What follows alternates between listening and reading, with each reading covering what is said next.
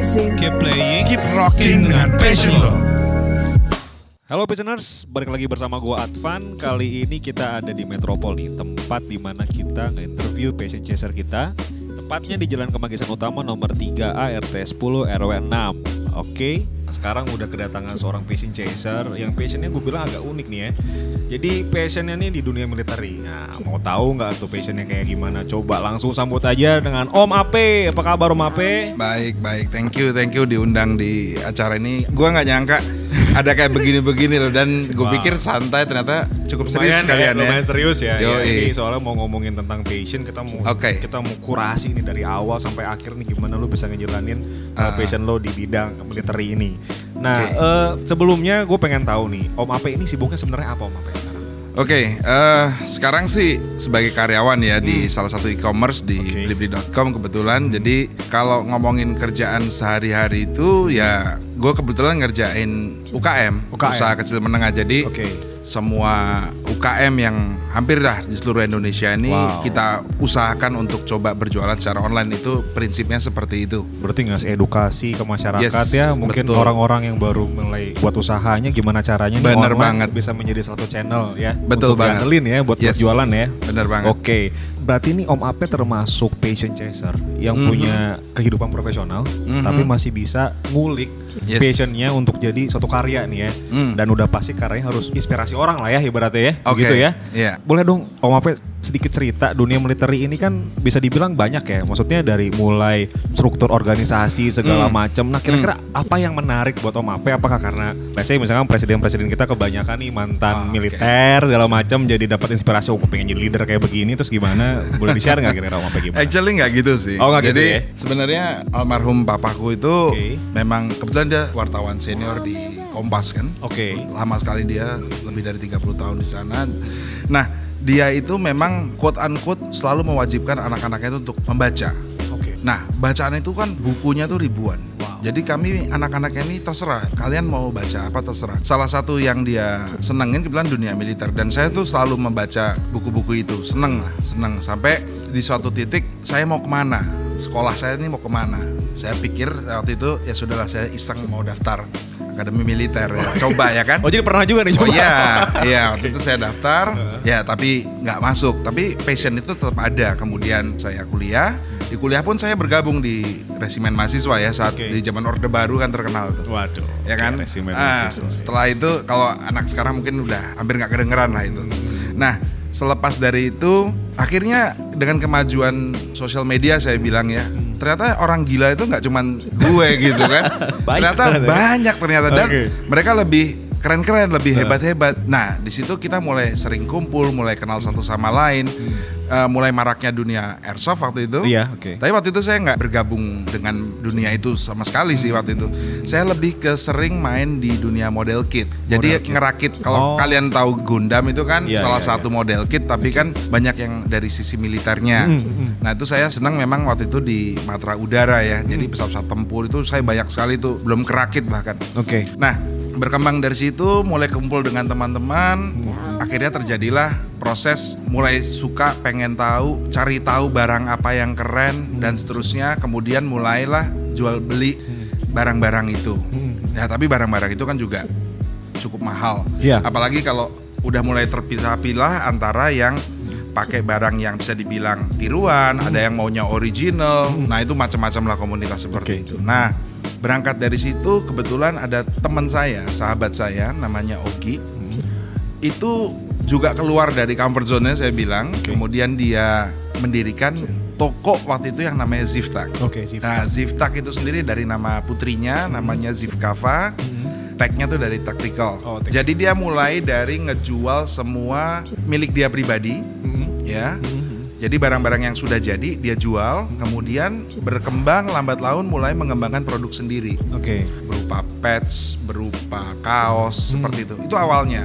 Cuma sekian tahun berjalan mungkin karena dia sendirian saat itu Hmm. lama kelamaan dia mungkin lelah, kemudian dia ya sudahlah, dia stop. Stagnan Dia- dulu gitu ya? Stagnan dia stop kegiatan itu.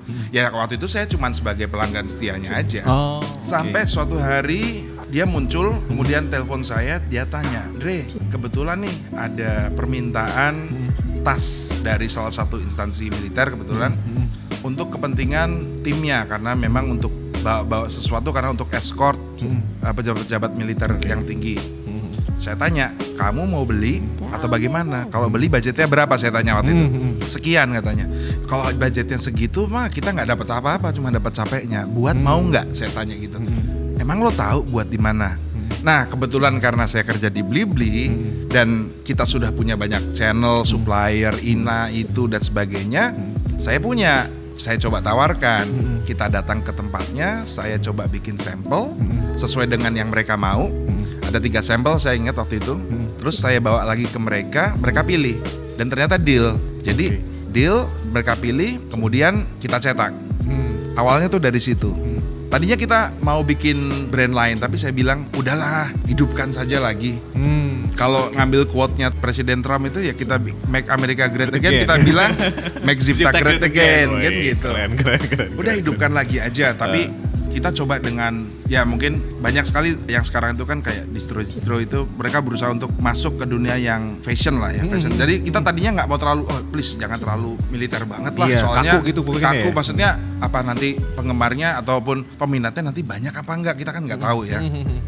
Kita coba mulai hybrid lah Oke, ke setengah-setengah civilian ya. juga ya Ah. kan gitu kan. Nah sudah mulai jadi core-nya itu kita mulai bikin di tas ya kan. Tasnya itu backpack biasa harian cuman Oke. fungsi ya Compact gitu kali ya. compact eh, dari pemilihan bahan, dari pemilihan model kita menganut asas ATM tuh amati tiru modifikasi ya kan. Oke, oke. kita coba pengen tahu keinginan dari banyakan orang tuh seperti apa. Akhirnya kita mulai coba jual. Kita mulai Oke. coba jual terus ternyata tanggapannya lumayan. Lumayan kita cetak-cetak beberapa kali bahkan kita melakukan pengembangan tasnya itu kita bikinkan yang namanya tas senjata atau gun bag untuk bawa rifle dan sebagainya. Kemudian eh, kotak untuk bawa peluru dan sebagainya kayak gitu. Tapi ya hanya sebatas itu karena kami kan bermodalkan sendiri ya. Kita nggak minta supporting modal dari bank atau apa. Memang kita nggak mau yang seperti itu. Jadi Oke. kita jalankan seperti As it ini aja, lah ya, Iya. gitu ya. Tapi itu tadi main course-nya, tapi di luar itu ya tetap ada yang namanya topi, kaos, tapi Hmm. eh, apa namanya? Kita bikinnya tidak sekaku tapi lebih nyentrik lah, lebih Hmm. seni lah. Ya, seperti itu. Jadi itu sekarang kita berjalan seperti itu. Hmm. Ke mana kita memasarkannya? Ya standar anak-anak sekarang Sosmed ya. sosmed, Instagram, terutama Instagram. Instagram ya. Ya starting mulai dari situ, kemudian berkembang dari situ banyak teman-teman lama kita yang, eh kalian ternyata hidup lagi Hmm. seperti itu kan. Hidup lagi. Mulai mereka mulai Aware lagi gitu ya, Mulai gitu. sambutannya mulai lumayan menarik. Nah, memang karena core-nya awalnya mereka tahu bahwa oh mereka senangnya main sama militer, sama Iya. polisian gitu kan. Orang-orang itu juga lagi yang datang ke kita. Oh, repeatable ya berarti. Repeat. Teman-teman lama kita semua yang balik lagi mendukung kita juga ada beberapa teman-teman baru. Akhirnya kami mendapat tempat seperti misalnya kita diundang ada ulang tahun Satuan Kapal Selam misalnya di Surabaya. Kita disuruh buka booth untuk meramaikan. Kemarin HUT TNI kita juga dikasih booth di sana. Ayo silahkan diisi untuk jualan. Jadi ya gitu. Kita mulai Word of ad- mouth lah mungkin ya. Word dari of mouth dari Instagram konsumen. ya Oke. mulai keliling-keliling gitulah. Hmm. Ya, jadi ya untuk branding kita juga tentunya kan. Oke, oke. Ya kira-kira gitu. Jadi Oke. kita berjalan seperti itu sekarang ini. Oke, Gitu. oke. Jadi Passioners nih Om Ape itu punya bisa dibilang inspirasi dari keluarganya, terutama dari bapaknya ya, bokap ya, Om Ape ya, di mana punya banyak buku, Buku awal. dengan konten-konten militer. Jadi ini yang menjadi dasar pertama kenapa Om Ape suka di dunia militer, terus ketemu temen yang pernah punya usaha Jiftek namanya, sempat stagnan dan akhirnya mulai berkembang lagi Ya. ketika ada orderan ya Om Ape ya. Nah itu kan journey story-nya nih Om Ape ya. Jadi berarti intinya si militer ini tuh dalam banget kan buat Om Ape. Apa cuma sekedar karena kelihatannya atau mungkin Oke. karena buku ya? Maksudnya itu kan No, no, ada no. ada Ya, ya. pelan-pelan harus ada segmentasi ini memang passion kah? Ya. Apa ini memang opportunity bisnis kah? Segala macem. Jadi kalau aku bilang sebenarnya kita mikirinnya gini. Kita juga UKM loh ini ya. Iya, iya, Sesuai iya, dengan iya. kerjaan saya di kantor saya juga UKM. Oke. Cuman usaha kecil militer mungkin ya. Keren tuh. nah, Oke. jadi kita lebih menitik beratkannya gini. Kita pengen bahwa militer kita TNI dan Polri itu juga punya barang-barang yang keren. Wah, Ya kan itu pertama, ya. pertama. Oke, oke. Tapi yang terjangkau tentunya. Jadi kita tidak bisa bikin yang harganya terlalu wah, tapi juga jangan terlalu kelihatan murahan gitu, ya kan? Jadi kita main coba di tengah-tengah. Kita patok harga juga nggak sampai juta-juta gitu loh. Ya, jadi saya rasa tuh cukup terjangkau. Jadi sebenarnya intinya itu. Kita pengen mereka juga tampil keren karena kan tentara kita kan sering sekali tampil di luar negeri juga, Iya, iya, lomba menembak nggak pernah kalah. Nah, kita Iya, pengen mereka juga bawa produk-produk buatannya. gitu ya. Yes, jadi tetap harus tetap harus styling, ya, Styling ya. style ya kan. Nah, kalau ngelihat pasar millennials nih sekarang Hmm, ya. Nah, kira-kira nih pendekatan yang paling pas nih buat ya military fashion lah kita ngomong ya. Yes, Mungkin yes, belum benar. ada yang spesifik brand menggunakan militer sebagai inspirasi nih kira-kira. Nah, Om Ape sendiri punya plan gimana nih? Sebenarnya kalau saya pikir banyak. Sekarang itu udah banyak. Ya kita lihat demam jaket bomber itu. Oh iya, Eh, jaket oke. bomber ya. Sebenarnya kalau saya mau bedah itu sebenarnya nama jaketnya itu sebenarnya MA1. MA1. Itu namanya flight jacket sebetulnya. Jadi bomber jacket sama flight jacket itu dua hal yang berbeda. Jadi kalau saya ngomong ini nanti terlalu panjang tapi nah tapi dari situ udah kelihatan kan bahwa mereka pun mulai mengadopsi eh, bentukan-bentukan militer karena dianggap keren. Bahkan ada beberapa yang mengeluarkan kamo-kamo atau Iya, iya, ya kan iya. seperti itu. Kamu ya. Ya, kurang lebih sih dari kita juga nggak jauh berbeda, tapi memang segmennya kita saat ini memang kebetulan banyak dari teman-teman dari Polri, dari teman-teman dari TNI yang yang suka dengan produk kita. Bahkan kita sekarang sudah punya reseller. Oh, oke. Iya, ada beberapa reseller yang sudah tahu kita dan mereka mencoba boleh nggak saya uh, Jual. jual, Oh, gitu. Ya oke. kita tentunya nyambut dengan gembira ya. Ada di Surabaya, ada di Bandung gitu dan ya very welcome lah sama mereka. Nah, ya sekali lagi kita tetap berusaha untuk improve produk-produk kita macem-macem. Bahkan kita coba untuk bikin cangkir kaleng. Pokoknya something unik yang sebenarnya bisa dipakai untuk daily use ya Iya. hari-hari gitu. Tapi di situ ada brandnya kita gitu. kalau dulu kalau saya pikir kita teman-teman itu termasuk saya sendiri tuh senang sekali dengan kaos-kaos yang berlabelkan kebanyakan yang favoritnya tentara-tentara Amerika gitu kan tapi sekarang kita mulai berpikir bahwa kita harus pakai brandnya kita sendiri. Jadi brand ini yang harus kita jual ke mana-mana. Karena saya lihat dari Instagram juga tentunya. Banyak brand-brand di luar negeri tuh dia jualan tas juga hybrid gitu ya. Dia juga jual untuk kegiatan outdoor tapi juga pakai dipakai oleh para militer dan juga untuk civilian gitu kan. Dan keren tetap bentuknya tuh keren gitu kayak taktikal gitu nah kita harus seperti itu saya pikir jadi mereka memperkenalkan brandnya mereka sendiri kalau dibilang itu UKM iya karena tuh industri rumahannya mereka cuman di Amerika sana gitu. Nah, saya pikir kita tentunya nggak boleh kalah-kalah amat lah Betul, ya. betul, betul, Nggak setuju boleh kalah-kalah amat. Iya, ya iya. kita coba untuk maju dengan apa yang kita bisa dan kita punya gitu. Kalau ditanya banyak nggak yang sejenis seperti ini? Ada, banyak. Ada. Tapi kita usahakan kita tidak usah berkompetisi dengan mereka, tapi justru saling merangkul. Karena kan tiap itu punya kelebihan, Iya, iya. punya kekurangan. Nah, kita coba mengcombine, mengkombinasi. Makanya tadi saya bilang ada reseller. Nah, teman-teman reseller itu juga punya passion yang sama, Oh. jualan itu juga gitu kan. Kita juga untuk masuk Kolaborasi lah ya, jadi lebih kolaborasi. ya. Oke. Yes, benar. Oke, nah ini kan kita lagi ngebahas journey nih. Mungkin langsung masuk ke fase-fase Om Ape lagi Hmm. struggling jalanin bisnis Om Ape ya. Jadi kalau boleh tahu nih Om Ape, selain motivasi tadi tentang background militernya, terus dengan kemampuan bisnisnya, Hmm. nah ini gimana caranya nih punya niatan sampai langsung eksekusi? Karena kan pertama waktu ya Om Ape ya. Hmm. Terus konsentrasi kerja juga nggak bisa Ya. dipungkiri mungkin banyak ya kan. Ya, ya, ya, mungkin nggak satu kali 24 jam bahkan gitu kan. Apa butuh waktu dalam sehari. Nah, Ya. ini kira-kira yang membuat Om Ape menjadi yakin confidence untuk menjalankan bisnis ini dengan rekan Om Ape ini kira-kira apa Om Ape? Biar teman-teman passioners bisa Oke. dapatin juga inspirasinya. Keep chasing, Keep playing, Keep rocking dengan passion lo. keep chasing, keep playing, Keep rocking dengan passion lo. Yang membuat Om Ape menjadi yakin confidence untuk menjalankan bisnis ini dengan rekan Om Ape ini kira-kira apa Om Ape? Biar teman-teman passioners ini bisa dapatin juga inspirasinya. Kalau kita ngomong ini kita jalanin cuma berdua tuh bohong banget. Oke. ya Oke. karena saya kerja ya kalau saya kerja artinya waktu saya sangat-sangat terbatas, Terbatas, kebetulan teman saya lebih free waktunya karena dia sendiri gitu kan jadi kita bagi-bagi tugas intinya kita bagi-bagi tugas kita juga punya teman yang sudah lama gabung dengan kita kita pergunakan dia atau dia kita posisikan sebagai operasional Oke. jadi dia yang mengirim ke sana kemari. Ya tadi saya bilang kan kita via sosial media aja saat ini. Jadi kita tidak ada lagi toko fisik Oke. ya. Sementara teman saya yang satu itu dia lebih urusannya mungkin mencari klien atau mempromosikan, bikin video tutorialnya juga Oh, kan. sampai ada begitu ada, timnya? ada. Wow. Jadi kan kayak gitu ya. Terus mungkin untuk photoshoot di mana gitu kan. Sementara saya yang kerja ini lebih fokus kepada mungkin urusan finance-nya, Ah, kemudian oke. urusan untuk mungkin ke pabrikan dan kayak gitu-gitu. Partnership lah ya mungkin. Iya, ya. Sementara teman saya itu lebih kepada mengembangkan ide-ide apa Oh, berikutnya dan oke, seterusnya. Jadi kalau dibilang struggle-nya seperti apa ya? Struggle-nya biasa lah, branding sekali lagi kalau Oh. saya bilang branding memperkenalkan siapa kita. Itu yang yang paling penting gitu kan, itu yang paling penting. Jadi kalau dibilang bagi waktunya susah nggak? Nggak juga lah. Dengan perkembangan sosial media, teknologi sekarang semua bisa dilakukan dengan grup Mudah ya. WhatsApp, Iya, ya iya, kan? iya. Berarti paling penting pertama punya tim kali Om apa ya?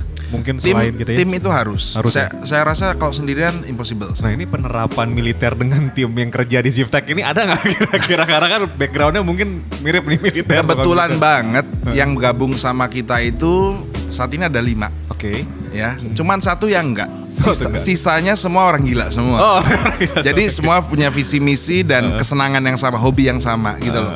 Cuman satu yang enggak. Kalau dia visinya lebih kepada gue seneng dagang katanya Oh, gitu. oke, oke. Dan dia memang jago lah saya bilang untuk berhitung, memprediksi dan sebagainya. Kalau ngomong untung dan rugi ya pasti ada lah. Iya, iya, Kita salah prediksi. Salah forecast dan- itu ya. forecast itu pasti ada lah, pasti ada lah. Tapi buat saya atau buat kami semua di situ itu jangan jadikan hambatan atau Hmm. kita inilah. Tetap kita coba usahakan dengan ini kita harus bisa bikin ya mungkin agak tertatih-tatih sedikit Hmm. nggak selancar kemarin tapi kita berusaha untuk balik lagi, balik lagi karena udah terlanjur kecebur ya. Oh, Udah, udah tenggelamin aja sekalian, Sekalian gitu ya. sekalian. Tapi sekali lagi kita memulai ini kita juga nggak mau cepet-cepet. Hmm. Tapi juga tidak terlalu lambat lah face-nya. Jadi sedang-sedang aja Oke. karena kita enjoy aja, nikmatin aja apa yang kita usahakan sambil kita melihat tanggapan dari uh, teman-teman di luar tuh seperti apa kepada kita. Gitu sih. Sering kali nih orang jatuh bangun ya Mbak. Tadi kan juga sempat ada stagnansi uh, period ya di Ciptak. Nah kira-kira bisa disebutin nih. Ada bahasa small win sih. Small win itu mungkin kemenangan kecil yang mungkin bukan berupa profit mungkin ya. Cuman saya nggak tahu nih kira-kira small wins apa yang sempat dirasain sama Om Ape dan tim yang membuat si project Ziftek ini menjadi semakin yakin untuk go lah ibaratnya gitu untuk nge-scale up lagi bisnisnya. Ada nggak Om Ape kira-kira? Kalau saya bilang justru karena small win-nya karena orderan yang pertama itu Oh, sih. oke. Jadi small win bahwa ini kita dibangkitkan lagi. Oke, itu momentumnya di situ Itu ya? momentumnya di situ. Kenapa saya pikir gitu? Karena eh hello, gue ini kan kerja di e-commerce dan gue dagang ya. Kok gue nggak punya dagangan? ya? muncul kayak begitu malah ya. Nah iya kan? Iya, iya, iya, iya. Adanya ini saya pikir, nah udahlah. Ini kita coba untuk sekalian belajar berdagang. Betul, betul, KM. betul. Itu sih saya rasa small win pertama ya. Kalau yang berikutnya itu bisa dibilang lebih kepada tanggapan dari teman-teman yang mempersilahkan kita untuk coba ayo main ke tempat kita, silakan pakai tempat kita, ayo Oh, kamu jualan, oke. mempromosikan kita juga gitu loh. Jadi banyak teman-teman dari instansi Polri dan TNI itu kemudian minta dibikinkan mungkin skadronnya dia, lambang satuannya dia kayak gitu-gitu loh.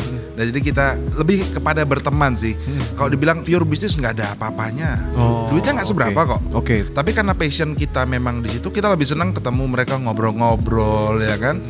Ya seperti itu sih. Justru kalau saya- koneksi dengan mereka yang mahal kali ya, sampai dibandingkan I think yes, Iya, karena kan? kan ya karena kan terkadang bukannya kita mau sombong atau Iya, apa iya. enggak, terkadang ada security security clearance yang nggak mungkin ditembus Oh, iya. biasa-biasa Sama aja. orang biasa lah gitu ya. Ini Sementara kita, lah ya. kita dapat privilege seperti itu ya, oke kita manfaatkan. Ini juga untuk brandingnya kita, itu penting. Oke. Nah, Nah, ini mau ngomong out of topic dikit nih. yes silakan. Kalau lihat di baju militer apa pun bentuknya ini kan banyak logo, banyak emblem segala macam. Nah, Sebenarnya Hmm. sejauh mana sih penggunaan emblem ini di pakaian sipil lah ibaratnya gitu ya, sehingga nggak mengundang kayak Hmm. dalam tanda kutip, oh ini nggak boleh, ini kan lambang ini. Nah itu gimana Om Ape? Nah, itu sempat menjadi topik.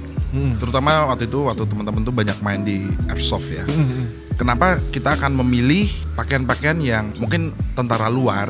Yaitu karena itu menghindari hal Oh, seperti itu. Karena sensitif kali ya logo segala macam. karena emblem. memang tidak diizinkan Oh, karena memang hanya diizinkan untuk anggota aktif kan kita Oke. sering dapat berita-berita tuh gadungan Iya, ada gadungan gadungan. gadungan nah itu seperti itu nah memang sekali lagi kita punya beberapa kelompok yang kita sebutnya reanaktor jadi dia tuh berusaha untuk menampilkan seotentik mungkin dandanan seragam ataupun kisah bikin seperti kayak war game sedetail mungkin sesuai aslinya Oh.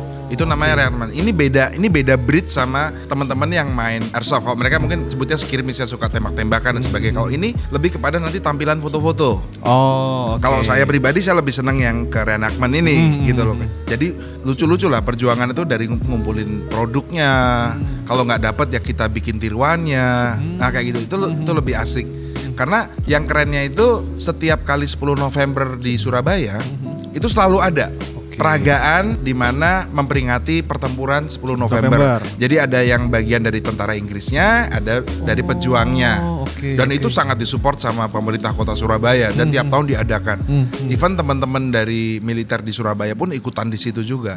Gitu. Jadi ada yang jadi tentara Gurkha, tentara Inggris dan mereka berusaha sedetail mungkin yang bertempur saat itu satuannya dari mana dan itu banyak sekali sekarang komunitas itu ada di sosial media. Oke nih, ada lagi yang menggelitik juga soal komunitas ya Om Ope. Hmm. Nah sejauh mana nih Ziftak punya engagement sama komunitas nih? Karena kan ini pasti dari word of mouth ya. Iya. Udah pasti yang suka mungkin pertama yang geek banget nih orang-orang yang kayak Om Ope juga gitu. Maksudnya Iya. ada komunitas, eh gue lagi cari ini, oh ini ada di Ziftak gitu. Ini Ya, sejauh mana tuh? jadi sebenarnya kita itu teman-teman itu sudah kenal kita dari yang tadi waktu teman saya Ogi punya toko sebetulnya. Semenjak kita muncul lagi ya kem- yang kembali ya mereka-mereka. Bahkan mereka menanya, kok nggak bikin ini lagi, kok nggak bikin itu lagi. Karena kita mau coba menampilkan sesuatu yang beda lah sekarang ini. Tapi engagementnya ya begitu. Mereka-mereka kembali yang datang. Bahkan ada salah satu teman yang memang oh dia lihat dia beli, bahkan dia bikin semacam bukan kritikan ya, tapi apa istilahnya itu? Dia Testimoni gitu gimana? Ya semacam testimoni tapi dia kekurangannya di sini Oh, kelebihannya, input lah ya, ah, beri input gitu ya. Nah, itu tuh dia jembreng Sampai gitu. seniat itu? Ada Wow. ada yang begitu, sampai ada yang begitu. Nah, itu itu kita senang kayak gitu. Hmm. Jadi oh ada input inputnya seperti ini sambil kita berpikir harus kita apakan lagi nih produk kita dan seterusnya dan seterusnya gitu loh. Nah, sorry Ope, kalau ngelihat dengan banyaknya ya, aktivitas lah ya kita ngomong di Mhm. Ziftek ini yang mungkin walaupun Om Ope nggak 100% join di sana, merasa nggak sih kalau misalkan lagi ada sesi ketemu sama tim Ziftek itu merasa ada di dunia yang baru nggak sih? Maksudnya penting nggak sih usaha ini untuk refreshing, let's say Oh. misalkan dari konteks kita kerja lah ibaratnya gitu. Iya, tetap Iya. aja kan sama aja ya. Maksudnya kalau kita kerja kan beda ya. Kalau ini kita ketemu juga kita mengusahakan sesuatu yang dari baby atau dari bayi kita coba untuk kembangkan gitu kan. Jadi setiap kali kita meeting sama teman-teman kita selalu brainstorming. Wah itu wild ideas tuh muncul terus. Tetap aja harus ada yang kita tahan kan. jangan, jangan kita Kalau harus- terlalu lebar gitu ya, lebar, keadaan finansial kita segini ya kan. Masalahnya. Ayo cus pilih Iya, mau iya. yang mana yang diutamakan. Oke, nah oke, itu oke. pasti Itu tingkat kematangan karena mungkin pengalaman kerja makin tajam kali ya kan Pasti. untuk untuk membatasi framing Pasti, framing gitu pasti. ya ide segala macam. Nah, Pasti. sebelum kita masuk ke fase selanjutnya nih Mape, buat passioners yang pengen tahu nih ngecek dulu ke sosmednya Ziftek bisa di-share nggak Mape? Bahkan mungkin ada kalau ada webnya. Oke, langsung aja ke Ziftak. Hmm. Spellingnya gimana? Zulu gitu ya? Zulu, India, Victor, Tango, Tango, Alpha, Charlie. Charlie, Ziftek gitu Ziftek. ya. Oke, nanti kita akan masuk ke playing phase di mana dari gua pengen nanyain mengenai segmen-segmen seperti cara marketingnya, terus Hmm. ordernya tuh ada berapa per bulan. Tujuannya tuh pengen pengen tahu aja sama apa maksudnya dengan market yang sebegitu luasnya, kira-kira Hmm. opportunity yang bisa dicaplok nih sama Ziftek itu berapa banyak segala macam. Dan Hmm. pengen tahu juga goalsnya nanti. Karena kan mungkin kalau sekarang masih kayak chasing dulu nih, cari market, ketemu komunitas, Yes, ketemu pabrikan segala macam Hmm. sehingga nanti teman-teman yang lain juga teman-teman passioners juga bisa tahu oh ternyata kalau misalkan kita mau nge-range goal Hmm. harus mulai dari sini segala macam nah pondasinya harus ada A, ada B, ada C gitu ya Om apa ya Oke. oke Keep chasing, Keep playing, keep rocking dengan passion lo. keep chasing, Keep playing, keep rocking dengan passion lo. Oke passioners, sekarang kita masuk ke sesi di mana mungkin lebih ngomongin ke bisnis kali ya. Om Ape, Oke. Nggak mungkin satu bisnis nggak punya visi misi ini ya. mungkin bisa sharing sedikit ke kita tentang visi misinya ya mungkin gambaran utamanya di kira-kira apa sih si, si Ziftek ini dengan tim yang ada sekarang visinya. Ya, eh kalau ngomong visi misi ya namanya juga orang jualan pasti cari untung ya. Oke. itu udah pasti. itu udah pasti. Ya.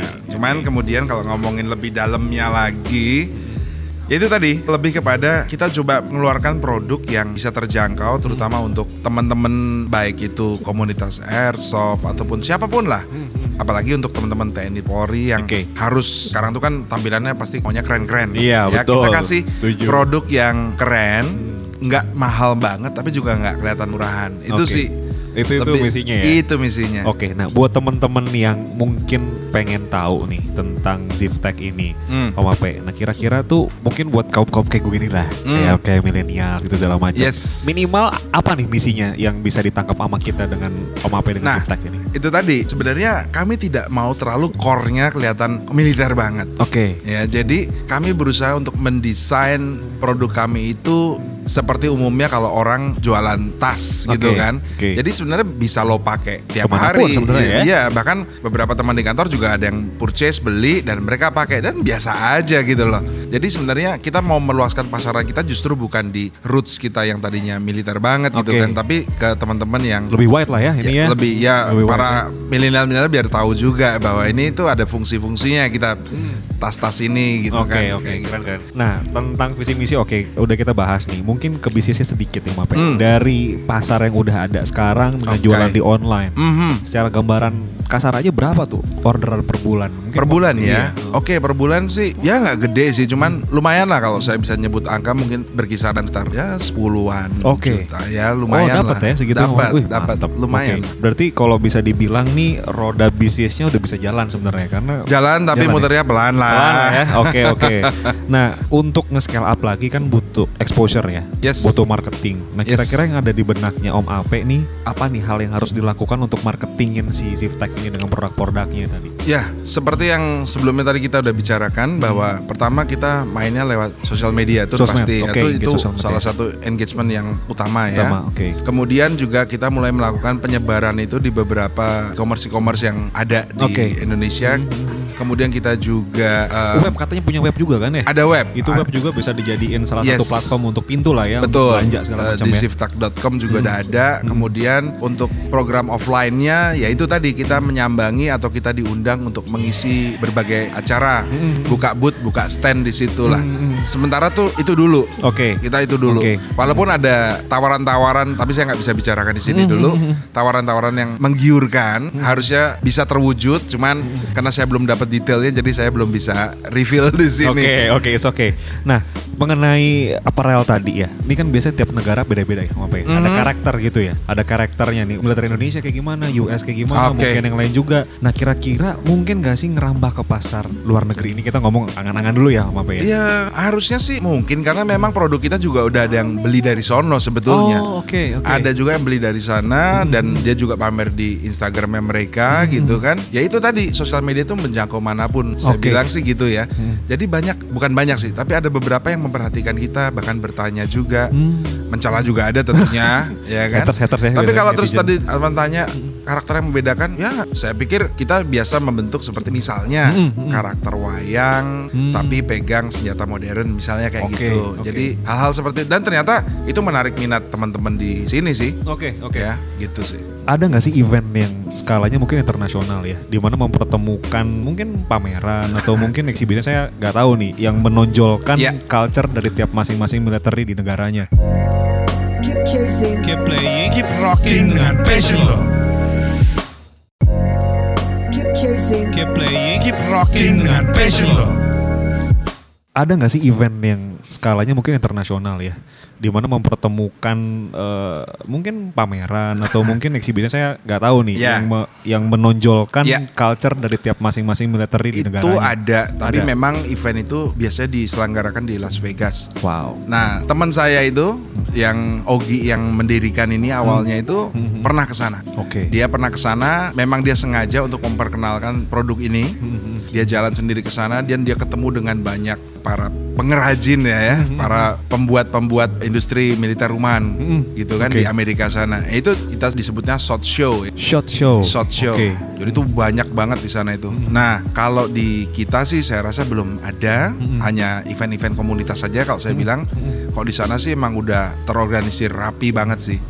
ya mudah-mudahan kita semua yang bergabung di dalam Ziftek ini bisa berangkat ke sana sih. itu Amin, mimpi ya. amin kita doain semua lah, semua passioners juga doain nih keren Iya, banget soalnya bisa bawa culture, bisa bawa i- apa ya identitas mungkin Identitas, ya, lebih ke arah Ke sana, identitas. macam. Iya. Nah ini mengenai memperluas jaringan nih Om Ape. Tadi kan Hmm. offline store udah ada nih ya. Cuman mungkin Om Ape lebih di approach gitu ya sama orang yang emang Hmm. segmennya juga mungkin suka militer. Hmm. Nah kira-kira untuk going ke lifestyle offline store nih. Karena kan bisa dibilang militer ini udah menjadi satu referensi fashion stylist Hmm. untuk masukin ke desainnya mereka nih. Ya. Ada nggak sih sebenarnya plan untuk masukin biasanya ya saya nggak tahu kalau misalnya offline store yang lifestyle di di Indonesia mungkin distro atau mungkin ada yang lebih besar I don't know. Itu kira-kira Om Ape gimana? Kalau dari pemikirannya kita sih ada banget ya. Ada ya? Jadi kita akan coba engage sama collab gitu maksudnya collab collab gitu. kan. Collab Seru. sih aku rasa. Kebetulan belum ada tawaran. Kalau- Nah, dan kalau dan kalau kita mau menawarkan juga kelihatannya kita masih canggung ya karena Oke, kita. oke. Tapi kalau kita lebih baik kalau menurut saya pribadi kita coba masuk ke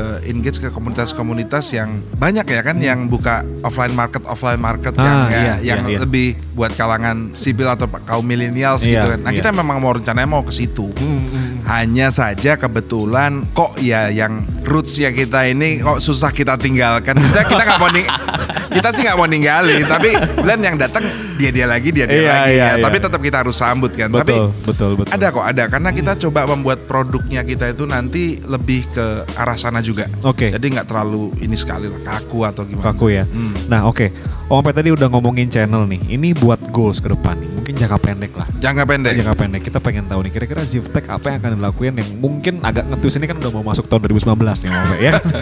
udah ada sesi politik nih nanti 2019. Nah ada chance nggak market yang di grab gitu dari opportunity itu?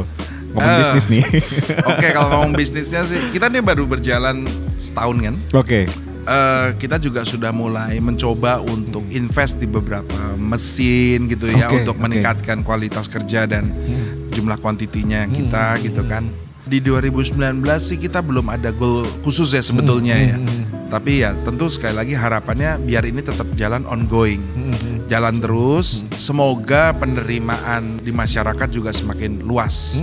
Ya walaupun kita tahu lumayan lah sudah para teman-teman kita yang beli itu suka mengendorse kita sendiri Oh, di halaman oke. sosial medianya Wah, dia dan iya, itu iya, engagement engagement seperti itu yang kita perlukan. Jadi kan ya biasalah perlu influencer kan. Oh ya setuju. setuju Nah, banget. memang kebetulan itu juga banyak teman-teman di TNI dan Polri yang merupakan ya kalau kita sebutnya mereka juga influencer di dunianya mereka Iya lah. dunia militer ya. Iya dan dan itu buat kita sangat-sangat menguntungkan Oke. gitu loh. Berarti sebenarnya di dunia TNI sama Polri ini juga sebenarnya mereka punya komunitas sendiri nih ya. Di mana mungkin influencer sendiri di lingkungan terkecil mereka gitu kalau mau apa ya. Saya rasa sih Begitu seperti ya? itu, iya. Terekspos nggak ke sosial media ini saya pengen tahu juga nih. Terekspos Terekspos ada, ya, betul ada iya, ya. iya. Makanya saya bilang Instagram tuh membantu sekali sih. Oke, oke, oke ya mungkin nanti orang bisa search lah ya siapa orangnya ya. Kita Iya, juga nggak iya. enak Oh, jangan.